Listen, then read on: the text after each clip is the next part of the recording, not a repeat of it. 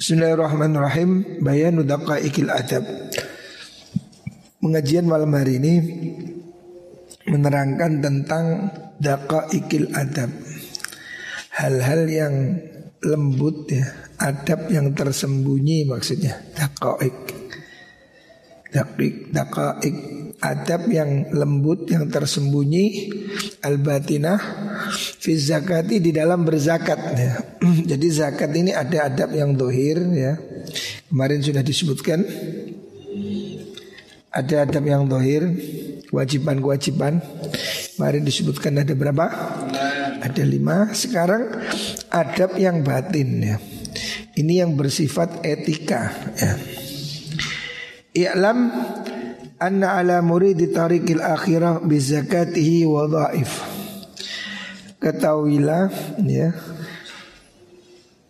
bahwasanya anna ala muridi tariqil akhirah wajib bagi orang yang menghendaki jalan menuju akhirat ya. Orang yang beribadah maksudnya orang yang sesungguhnya mengharapkan zakatnya betul-betul diterima oleh Allah bizakati dengan zakatnya dia wadhaifa ada beberapa tugas ya. Ada beberapa tugas yang harus dilakukan bagi orang yang mengharapkan jalan terdekat menuju Allah. Ya. Al wadifatul ula yang pertama fahmu wujubiz zakat memahami kewajiban zakat ya. Wa maknaha dan maknanya zakat Wa wajil imtihani dan memahami jalan ujian cobaan via di dalam berzakat ya. Jadi harus difahami maknanya. Kenapa sih zakat itu diwajibkan? Jadi harus harus kamu ketahui. Harus difahami maknanya apa. Dan ini Allah menguji kita dengan zakat itu. Apa yang dimaksud ya? Wa annaha lima ju'ilat min mabanil Islam ma'a annaha tasarrufun maliyun. Dan kita meng harus mengerti kenapa lima ju'ilat zakat itu dijadikan min babanil Islam dari pokok ya pokok ajaran Islam ya. Rukun Islam maksudnya ma'annaha tasarrufun maliyun. Sedangkan zakat itu kan murni transaksi harta. Walisat min ibadatil abdan. Zakat ini kan bukan pekerjaan badan. Beda kalau sholat ya, pekerjaan badan. Puasa, pekerjaan badan. Haji, pekerjaan badan. Zakat ini kan cuma transaksi memberi, menerima. Kenapa kok oleh Allah digandengkan kedudukannya dengan ibadahnya badan ya. Ini supaya kamu memahami ya. Rahasianya apa ya. Wafiyah salah satu ma'anin Di sini untuk memahaminya ya Wadifah Tugas pertama ini kan memahami ya Memahami kewajiban zakat Apa sih? Kenapa zakat diwajibkan? Salah ma'anin Di sini ada tiga makna Ada tiga hal yang perlu kita perhatikan Mengapa sih kok zakat itu diwajibkan ya. Kenapa? Apa maksudnya? Ya. Al awal yang pertama Anat talafudha sesungguhnya melafatkan, mengucapkan. Kalimat syahadah dengan dua kalimat syahadah iltizamun. Itu adalah iltizam pernyataan ya kesanggupan litauhidi kepada tauhid. Tauhid itu mengesahkan Gusti Allah. Kita ini kan sebagai orang Islam bersaksi ya tiada Tuhan selain Allah. Kita bersaksi menyatakan tidak ada Tuhan selain Allah. Ya. Lah, konsekuensinya apa? Kita ini kan Iman yang pertama kan Allah itu satu ya, tidak ada dua. Wa syahadatun bi ifradil ma'bud. Kita menyaksikan kalimat syahadah itu adalah persaksian hanya satu yang disembah. Kita tidak nyembah yang lain, ya. Konsekuensi dari asyhadu an la ilaha illallah. Harus tidak ada Tuhan, tidak ada yang disembah, hanya ada Allah, ya. Jangan ada yang lain.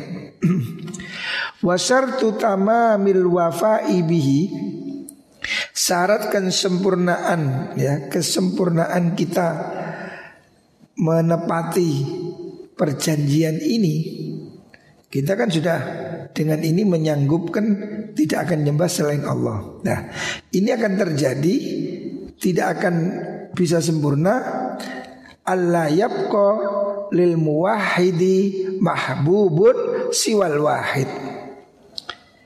Konsekuensinya adalah harus tidak ada. Tidak ada. Bagi orang yang bertauhid lil muwahhid harus tidak ada apa? Mahbubun kekasih siwal wahid kecuali yang maha satu yaitu Allah Subhanahu wa taala. Al-Fardi yang esa. Tauhid itu mengajarkan kepada kita kita tidak akan menyembah selain Allah. Kita tidak akan tunduk pada selain Allah. Nah, ini artinya kita hanya mencintai satu saja. Tidak ada duanya. Kita hanya mencintai Allah Subhanahu wa taala. Fa innal mahabba la takbalu syirkah. Yang namanya cinta itu tidak mengenal diduakan ya. Kalau kamu cinta jangan diduakan. Kalau kamu cinta ini 50 itu 50 itu buaya. Nah, cinta itu tidak boleh diduakan ya. Ini rumusnya cinta ya. Fa innal mahabbah la takbalu asyirkah. Cinta itu tidak bisa diduakan. Kalau kamu mencintai dia, eh, jangan cinta yang lain. Kalau pacarmu mencintaimu, ya kamu pasti tidak mau dong.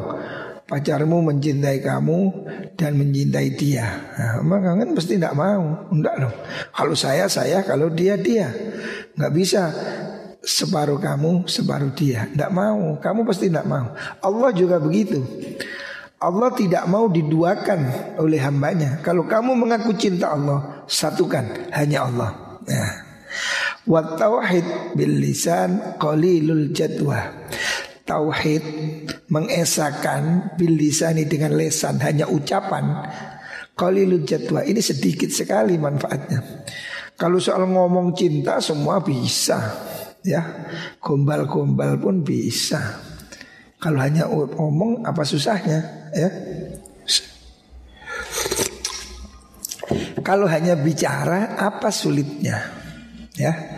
Wa innama tumtahanu darajatul hubbi bimufarakatil mahbubat. Bahwa sesungguhnya orang itu diuji derajat cintanya ya. Cinta cinta seseorang itu kadar cintanya itu diuji. Dengan apa ujian cinta itu? Bimufaraqatil mahbubat dengan meninggalkan cinta yang lain. Jadi kalau kamu cinta pada dia yang lain kamu harus tinggal. Kamu mesti bilang begitu pada pacarmu. Kamu cinta saya, tinggalkan dia, pilih saya atau dia, kan begitu. Jangan ada cinta selain pada saya. Nah, ini cinta yang serius. Ya. Allah juga begitu. Kalau kamu cinta Allah, Allah menuntut kamu jangan cinta yang lain. Kalau kamu cinta Allah dan cinta yang lain, Allah tidak mau. Sama dengan kalau kamu menyatakan cinta pada orang dan cinta sama yang satu, pasti tidak diterima. Nah, Allah itu menguji cintamu. Kalau kamu betul-betul cinta kepada Allah, Ayo buktikan Tinggalkan cintamu pada yang lain ya. Kalau memang kamu cinta Kamu harus setia Buktinya apa? Tinggalkan kecintaanmu pada yang lain Nah Wal amwalu mahbubatun indal khalqi harta itu dicintai oleh makhluk. Semua orang kan suka harta. Orang itu mulai bayi lahir seneng. Bayi lahir kan gegem, medit bisa. Manusia ini pada aslinya medit, ya. Tambah medit, tambah medit. Manusia ini pada dasarnya mencintai harta. Allah katakan dalam Al-Quran Wa innahu lihubbil khairi la syadid. Kamu itu banget kalau cinta dunia itu nggak main-main. Kamu itu pasti ya. Kamu itu senang hartamu. Kamu itu dasarnya pasti pelit Ya kan? Itu asli.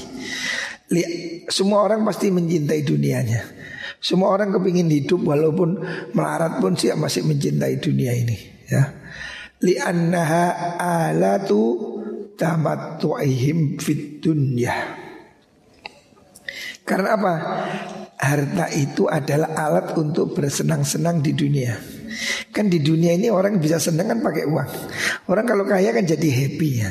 Senang, bukan mesti bahagia tapi senang. Senang itu bisa dibeli. Kalau bahagia tidak. Tapi kalau senang bisa dibeli. Kamu senang apa sekarang? Oh saya senang handphone Ya bisa kalau punya uang Beli handphone iPhone X nah, 25 juta Ditambah lagi Samsung sing anyar sing kertek ini kumbu apa. Sekarang ada Samsung itu layarnya kena ditekuk ini. Katanya harganya 35 juta. Nah, kesenangan bisa dibeli ya. Dengan apa? Dengan uang. Uang ini adalah alat untuk membeli kesenangan tapi bukan membeli kebahagiaan. Bahagia tidak bisa dibeli.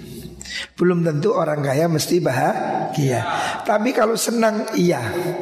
Orang punya duit itu bisa senang-senang, happy-happy ya. Kamu punya duit, nah, kamu mau apa? Oh saya pengen punya pacar empat sekaligus. Bisa, bisa dengan uang. Dan bundi ya londe londe. Ya kan senang. Bukan bahagia kan senang. Senang orang bisa beli dengan uang. Makanya orang itu harta itu secara naluri disukai manusia. Ya. Semua orang pasti senang dengan uang ya katanya Bang Haji Oma itu loh tak ada orang yang tak suka dengan yang bernama rupiah. Kabeh seneng wis. Yang namanya rupiah itu wes semua orang.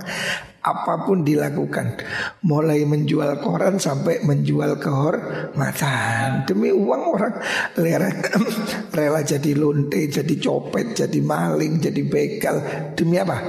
Demi uang ya kan orang ini bisa gelap mata karena uang ya perang karena uang, musuh karena uang. Nah, sababiha sebab uang, sebab amwal ya nasuna bihadal alam. Orang itu kalau punya uang merasa tenang di dunia ini. Kalau kamu pegang duit 10 juta Kan mesti lenggune siji ya. Gaya itu lemes ini lah Ini loh siji Gaya emang duit-duit Gak ada duit itu siji Actionnya itu beda. Kalau di kesakmu ada uang 10 juta Itu kayaknya Dunia ini ya berbunga-bunga. Ya, Gayanya begitu. Orang punya uang itu pasti senang ya. Karena dia bisa beli apalagi 10 miliar. Wah Apalagi 10 triliun Waduh. Mimpi aja kamu gak pernah. Banyak punya duit 10 triliun Waduh. Waduh pasti sudah di luar imajinasimu sudah. 10 juta aja kamu sudah ketawa ke TV nah, Manusia ini dengan dunia itu merasa tenang. Orang punya duit itu merasa nyaman. Hari ini semua orang sedih. Ah, Corona, tidak bisa kerja Orang yang tidak punya uang pasti susah. Yang kerjanya setiap hari buruh, kuli, supir yang carinya di jalan. Hari ini susah, cari uang susah kan tidak bisa kerja. Tapi orang yang punya deposito 10 miliar, 20 miliar mungkin nggak ngefek. Nih dia bisa tidur di hotel sembunyi. Kayak kemarin raja mana? Raja Thailand yang dengar ya. Raja Thailand kan orang kaya. Kena virus corona Dia terbang ke Jerman. Mengisolasi diri Sewa hotel mewah Membawa 20 cewek. Nah orang kaya. Isolasi 20 selirnya di bawah. Orang kaya Corona gak ngefek ya. Ini loh orang kah kaya. Orang miskin. Waduh gini nih ya. Gubuk derita ya. Lah ini loh Orang ini pada prinsipnya pasti senang dengan harta. Allah menguji kamu nanti. Ayo kalau kamu cinta aku Cintamu ke dunia harus kamu kurangi. Ya. Saya buktikan Cinta enggak kamu sama saya? Cinta. Oke potong uangmu, berikan orang lain ya. Kurangi cintamu pada harta. Ini lah. Maksudnya begini. Harta yang kamu puja-puja, yang kamu senangi, siang malam yang kamu pikirkan harus kamu rela dipotong. Sebagai apa?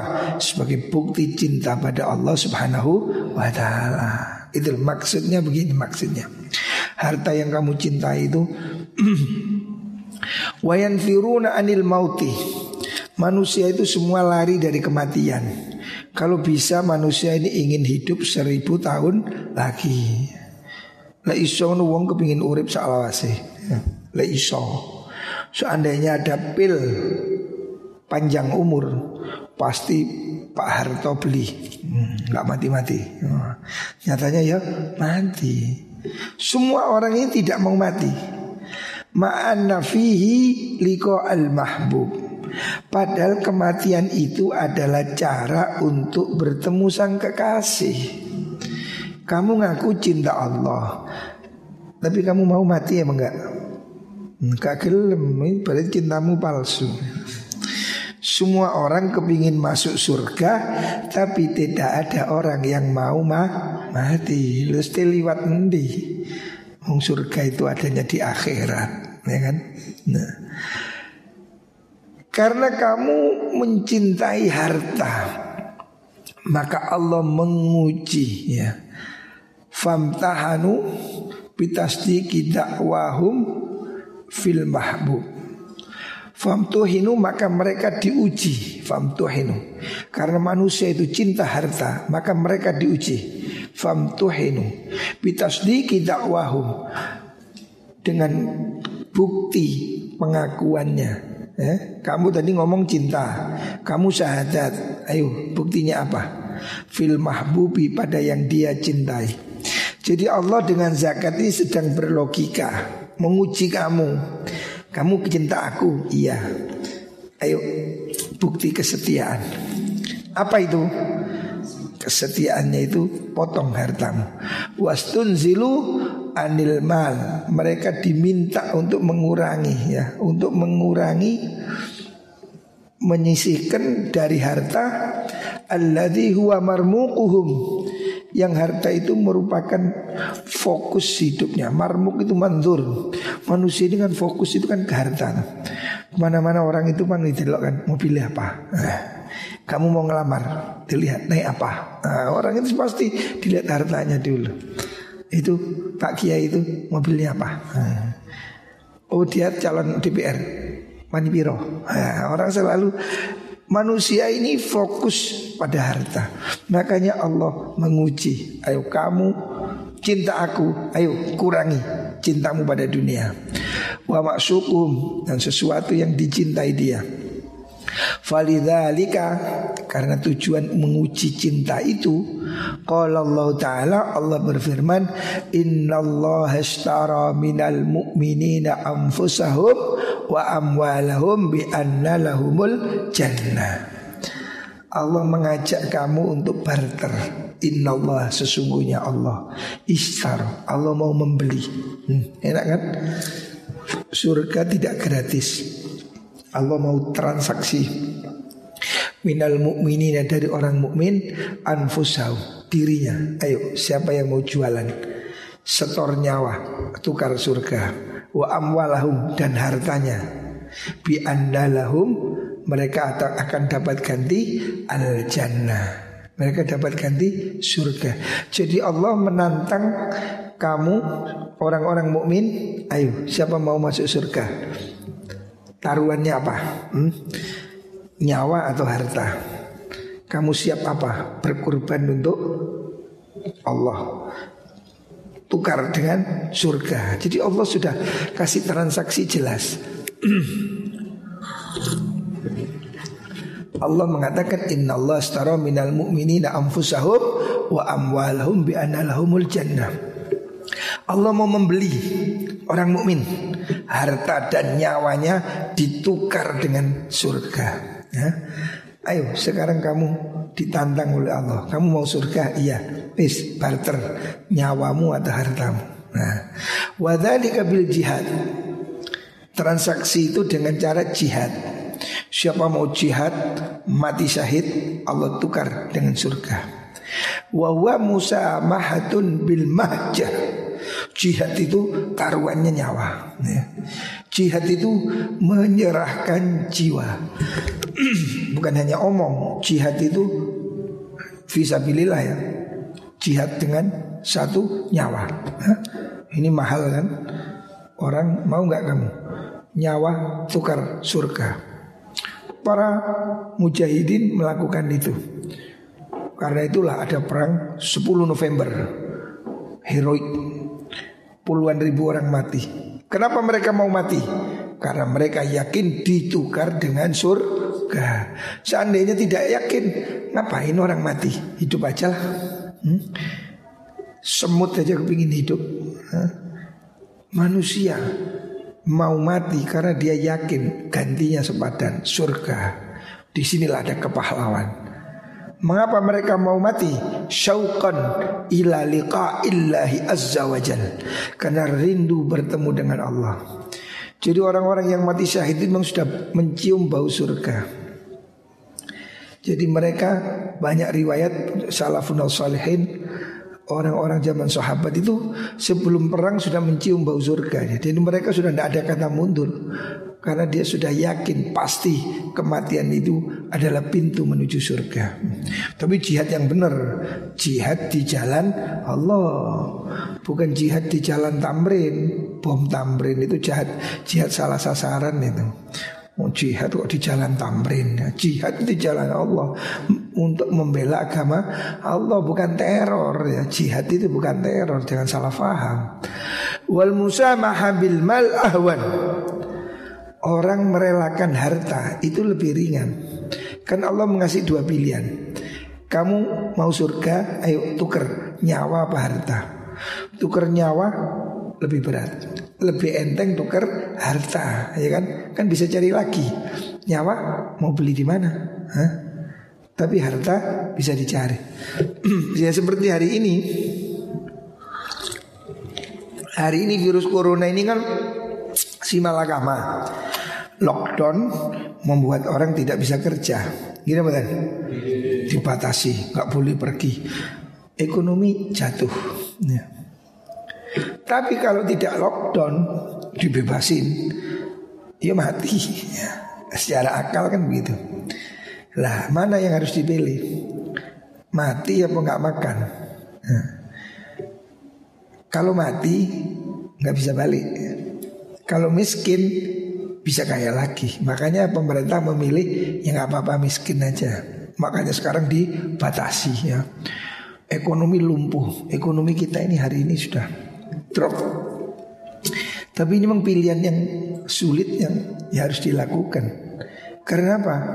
Ya pilihannya mati atau miskin. Ya miskin mungkin lebih baik daripada mati karena kalau miskin bisa kerja. Kalau mati mau beli di mana? Nah, eh, maka lockdown ini harus difahami ya. Walaupun kita kesulitan ya lockdown ini bikin sulit. Tapi kita nggak sulit kalau ngaji kan nggak mikiri belonjo. Tapi orang-orang yang sehari kerja sekarang susah. Di antara kita nih yang susah paling cuma turis itu, native speaker aja ya, nggak bisa pulang gitu, kena lockdown itu. Orang Austria ya. Kalau kita kan nggak apa-apa. Lockdown ya turu. Ya. Wal musamaha bil mal ahwan. Merelakan harta itu lebih ringan. Walama fahimah hadal makna fi badil amwal. Walima fahimah hadal makna fi hadil bi badil amwal. Ingkosoma nasu salah aksam untuk memahami, makna ini Makna menyerahkan harta Sebagai ujian cinta kepada Allah itu ya. Manusia ini ada tiga tingkat. Kan tadi disebutkan bahwa Allah itu menguji kecintaanmu. Dengan apa? Dengan mengurangi cintamu pada yang lain. Lah manusia diuji cinta ini ada tiga kelompok kecintaan manusia ini ada tiga kelas. Kismun golongan A, yang pertama elit. Sodakut tauhid, orang yang sungguh-sungguh bertauhid ya. Tauhidnya maksimal. Wawafau bi ahdihi, betul-betul menepati janjinya. Wanazalu an jami'i amwalihim, mereka relakan semua hartanya. Ada yang kelasnya sudah hartanya diberikan semua. Falam yadakhiru dinaron wala dirhaman Sehingga dia tidak menyimpan uang sama sekali Ya, ini tingkatan elit top ada, ada. Wa ayat arraduli wujubiz zakat alihim. Mereka tidak peduli wajibnya zakatnya berapa nggak usah dihitung, berikan semua. Wah, hatta qila Sebagian mereka itu ditanya, "Kam yajibu minaz zakah fi mi'atai dirhamin?" Berapa wajibnya zakat kalau orang punya uang 200 dirham? Berapa wajibnya zakat kalau orang punya 200 juta? Ada orang kaya yang betul-betul tauhidnya mantap ditanya berapa zakatnya 200 dirham berapa zakatnya 200 juta fakal dia menjawab amma alal awam bihukmi syar'i untuk orang awam sesuai syariah faham satu darahim. Wajib zakat lima dirham karena zakatnya dua setengah persen. Jadi kalau punya 200 juta zakatnya 5 juta. Ini orang awam. Wa amma nahnu adapun kita ulama yang ahli batin yang ma'rifat itu fayajibu alaina badrul jami' bagi kita harus diserahkan semuanya. Jadi ini ulama-ulama ini mereka ndak hitung-hitungan, ndak lima persen, ndak dua setengah persen. Itu kelas awam. Sama dengan puasa cuma tidak makan, ya. Itu kelas yang paling rendah. Zakat juga begitu kalau cuma wajib itu kelas kelas nyamuk itu. Yang kelas tinggi dia nggak ngitung, berikan semua ya. Ini diceritakan oleh Imam Ashibli. Imam Abu Bakar Ashibli itu seorang ulama yang kaya dan dia memang dermawan. Jadi ditanya zakatnya 200 dirham berapa Kiai? Dia jawab bagi orang awam dua setengah persen lima dirham.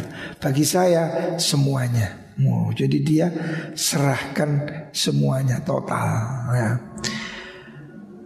Walihada karena alasan ini memang ada tingkatan yang full total mencintai Allah. Tasodakoh bersedekah. Siapa Abu Bakar radhiyallahu an bijami imali dengan semua hartanya. Abu Bakar itu menyerah ketika ditarik zakat itu diberikan semua. Nol. Beri semua. Alhamdulillah. Wa Umaru radhiyallahu anhu bisa terima lihi. Sayyidina Umar menyerahkan hartanya 50%. Jadi kalau dia punya 1 M, Sayyidina Umar mengeluarkan zakat setengah M. Abu Bakar konglomerat juga punya 1 M diserahkan semua. Oh nul tidak ditinggal. Faqala sallallahu alaihi wasallam.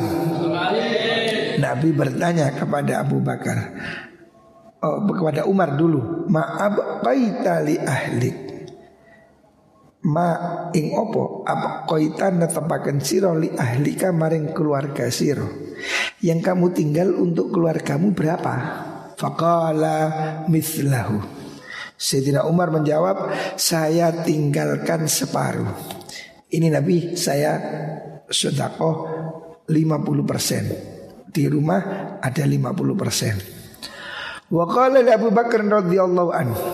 Nabi bertanya pada Abu Bakar, "Ma abqaita li ahli?" Kamu berapa yang kamu berikan tinggal untuk keluarga di rumah? Qala Allahu wa rasulah. Abu Bakar menjawab Yang saya sisakan hanya Allah dan Rasulnya Artinya semuanya 100% disodakohkan ya. Abu Bakar eh, bukan Abu Jahal hmm. Faqala sallallahu alaihi wasallam bainakuma ma baina kalimataikuma. Jarakmu antara Umar dan Abu Bakar ya seperti jarak antara ucapanmu itu. Artinya nilainya Umar ini masih 50 persennya Abu Bakar. Abu Bakar full hartanya diserahkan semua. Sayyidina Umar masih berani ngaruh 50 persen kita eh, tambah toh eh, Abu Bakar aja Abu Umar aja masih berani 50 persen Padahal Umar oh, bukan sahabat kaleng-kaleng top sekali. Itu aja masih separuh. Kita Fasiddiqu waffa bitama misidqi Abu Bakar Siddiq menepati kejujuran kesungguhan hati kejujurannya. Jadi dia Abu Bakar itu juluki as yang sangat jujur. Karena apa? Cintanya 100%. Buktinya hartanya diserahkan 100%. Falam yumsik siwal mahbubi indahu. Abu Bakar tidak meninggalkan apa-apa, hanya kekasihnya, hanya Allah. Selebihnya diserahkan. Kekasihnya siapa? Wahwa Allahu wa Rasul. Abu Bakar hanya meninggalkan Allah dan Rasul. Selebihnya serahkan semua. Insyaallah. Salam Muhammad.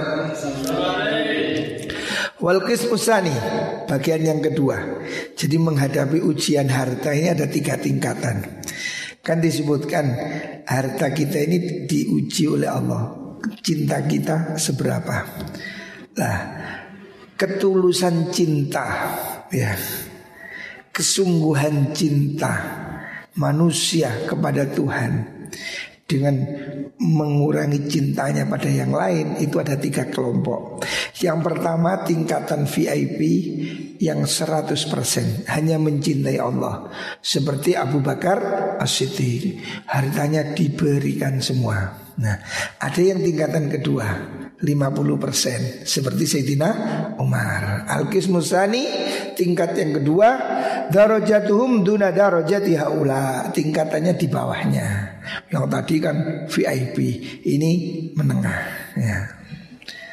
Wahum al-mumsikuna amwalahum. Tingkatan kedua ini orang yang masih menyimpan hartanya al muraqibuna lima waqitil hajat wa mawasimil khairat di mana dia masih menunggu waktu-waktu dibutuhkan musim-musim untuk berbuat baik. Ya menunggu seperti hari ini, menunggu musim Ramadan baru dikeluarkan, menunggu ada musibah corona baru dikeluarkan. Nah ini ya bagus. Walaupun tidak semua, tapi ini sudah middle ini kelas menengah. Fayakunu qastuhum fil iddikhar al-infaq ala qadril hajah dunat tana'um. Tujuannya dia itu menyimpan hartanya tidak diberikan semua seperti Abu Bakar atau Umar separuh dia masih simpan supaya dia sewaktu-waktu diperlukan bisa memberi ya. Sewaktu ada tetangga butuh nyumbang, ada masjid nyumbang, ada ini nyumbang. Nah, bukan untuk seneng-seneng. Memang disimpan untuk menghadapi ada kebutuhan-kebutuhan. Wasarfal fadil anil hajati ila wujuhil birri Dia bermaksud kelebihannya itu diberikan untuk jalan kebaikan. Mahmadha harut wujuh. Kapan kalau ada kesempatan, kalau sudah jelas, oh ada kepentingan pembangunan masjid, nah, ada pondok, ada lasis, nah, ini, ini yang kelas menengah ya kan. Wahaula mereka itu layak tasiruna alamik dari zakat. Mereka tidak hanya cukup dengan zakat, tapi sodako sunnah. Ini tingkatan menengah. Tingkatan yang atas tadi asidik total. Ada yang tingkatannya bagus. Siapa orang yang memberikan zakatnya iya dan sodakohnya. Jadi bukan hanya zakat, ya ada sumbangan, tetangga, kesusahan. Waqad dhahaba jama'atun minat tabi'in ila anna fil mali huquqan siwa zakah. Segolongan ulama dari tabi'in ya setelah sahabat itu memandang bahwa harta itu ada kewajiban selain zakat. Ya. Memang mayoritas ulama fikih mengatakan yang wajib hanya zakat, selebihnya tidak wajib. Tetapi segolongan ulama tabi ini tuh mengatakan ada ya selain zakat harus seperti siapa? Kan Nakhai, sebagai Imam Nakhai, wa Sya'bi, Imam Sya'bi, wa Ta, Imam Ata'in, wa Mujahid, Imam Mujahid. Ini ulama-ulama besar. Qala Syabi Imam Syabi mengatakan Ba'daan qila lahu Ketika dia ditanya Hal fil mali haqqun siwa zakah? Kiai apa ada kewajiban selain zakat? Qala na'am Ya hmm, Wajib ya Dalilnya ama samita. Kamu dengar enggak qaulahu ta'ala firman Allah wa atal mala ala humbihi dzawil qurba wal yatama wal masakin wa ibnas sabil wasailina wa firqab ya al ayat Imam Imam Syabi berpendapat ayat ini mewajibkan selain zakat itu ada ya wa atal malah menyerahkan harta ala hubi yang dia cintai zawil kurba pada kerabat. Wal yatama anak-anak yatim wal masakin orang miskin wa nasabil orang dalam perjalanan. Wasailina orang yang minta-minta wa fir dan untuk membebaskan budak ya. Ini ayat ini dibuat dasar oleh Imam Syabi untuk mengatakan bahwa selain zakat itu wajib gitu ya. Wastadallu biqaulihi azza wa jalla. Mereka juga mengambil dalil wajibnya mensedekahkan harta selain zakat biqaulihi azza wa jalla wa mimma razaqnahum yunfiqun wa mimma razaqnahum dari apa yang kami berikan pada mereka yunfikun mereka nafkahkan ya ini dasarnya. Wa biqauli ta'ala dan Allah firman Allah wa anfaqu mimma razaqnahum ya, menginfakkan dari sebagian rezeki. Wa za'amu anna dzalika ghairu mansuhin bi ayati zakah. Segolongan ulama ini mengatakan ayat ini tetap berlaku Kewajiban infak ini tetap berlaku Tidak mansuh dengan ayat zakat jadi sebagian ulama mengatakan ayat infak ini sudah dinasah dengan wajibnya zakat. Artinya yang wajib zakat, infak tidak wajib. Tetapi Imam Syabi, Imam Nakhoi, Imam Ato, Imam Mujahid menyatakan tidak mensuh. Artinya zakat ya wajib, infak juga wajib. Gitu Infak itu di, di selebihnya zakat. Ya. Bal dakhilun fi hakil muslim alal muslim. Bahkan mereka mengatakan ini termasuk dalam hak kewajiban orang muslim bagi umat Islam yang lain. Artinya wa ma'nahu annahu yajibu alal musiri yaitu wajib bagi orang kaya ya siapa pun mahama wajada kalau dia menemukan muhtajan pada orang yang membutuhkan orang miskin orang tidak berdaya ayyuzila hajatah dia wajib membantu menolong menghilangkan kebutuhannya. Fadlan an zakah selain dari harta zakat. Zakat jelas wajib Tapi ya seperti kasus ini loh. Hari ini ada corona ini loh, corona ini. Kasus corona ini kalau ada tetangga, saudara kelaparan, wajib hukumnya orang kaya memberi walaupun dia sudah zakat saya sudah zakat tetap punya kewajiban ya makanya kita ini harus sambil lihat tetangga-tetangga kalau ada tetangga kita yang tidak makan wajib kita memberi ya di luar zakat wajib ya tidak boleh kita tidak peduli tetangga ya makanya saya sudah pesan sama Pak RT sekitar kita Pak kalau ada orang membutuhkan hubungi saya selain zakat. Kenapa? Itu kewajiban, ya, kewajiban ya. Waladhi yasihu fil fikhi Meskipun yang sah dalam ilmu fikih Min hadal bab Dalam bab zakat Annahu mahma arhaqat al Kalau memang ada kebutuhan mendesak Kanat fardhon al kifayah. Maka menghilangkan itu wajib fardu kifayah. Artinya harus ada yang bertindak Ada kelaparan. Wajib fardu kifayah. Ya, tidak boleh saya sudah zakat tidak bisa. Orang kaya harus turun tangan. Nah, Idlah yajuzu tadyi'u muslimin. Karena tidak boleh membiarkan orang Islam terlantar Tidak boleh ya. Ini kewajiban kita ya. Walakin yuhtamalu ayyuqal Yahtamilu ayyuqal Laisa alal musir Illa taslimu ma yuzilul hajata kordon Tetapi ada yang mengatakan yang wajib itu memberi utang. Artinya kalau dia sudah zakat masih ada yang butuh, dia wajib menghutangi.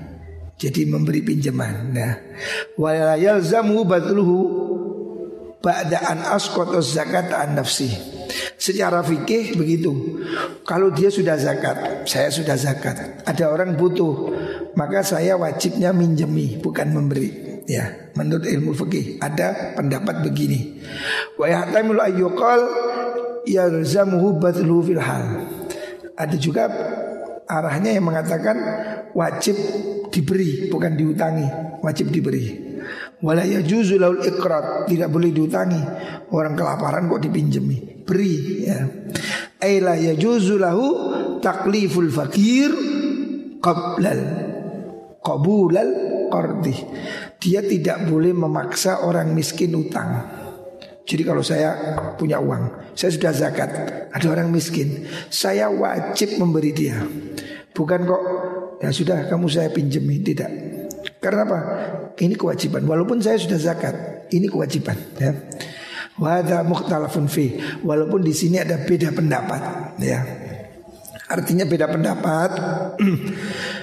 Kalau orang sudah bayar zakat Terus masih ada kebutuhan orang lain ya, tetangga, famili, saudara.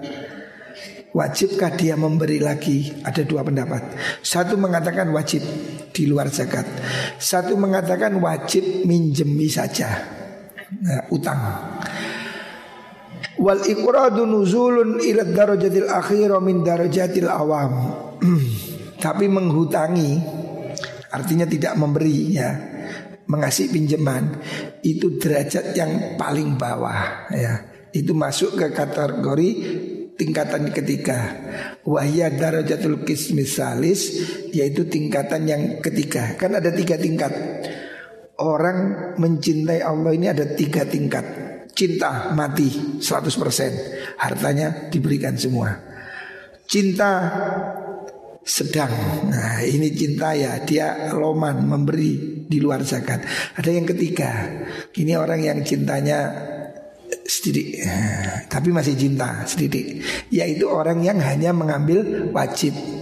Kalau wajibnya satu juta ya sudah satu juta, selebihnya enggak. Kalau hartanya seratus juta, zakat dua setengah juta, titik, nggak mau lebih. Nah, ini tingkatan ketiga, tingkatan yang awam. Alladzina yaktasiruna ala adail wajib yaitu orang yang mencukupkan hanya beri wajib. Selebihnya itu dia hanya mau ngutangi, tidak mau memberi ya. Fala yaziduna ali wala yang busuna minhu. Tingkatan kewajiban pemberi zakat yang ketiga itu ya yang ngambil pas. Tidak mau kurang, tidak mau lebih Wajibnya berapa Wahya akolur akolur rutbi Ini tingkatan terendah ya. Waqadikta soro jami'ul awam ala hada Orang awam biasanya seperti ini. Hanya mengeluarkan zakatnya yang wajib. Selebihnya enggak. Kenapa? Libuh lihim bil mal. Sebab mereka palit, medit, bakhil.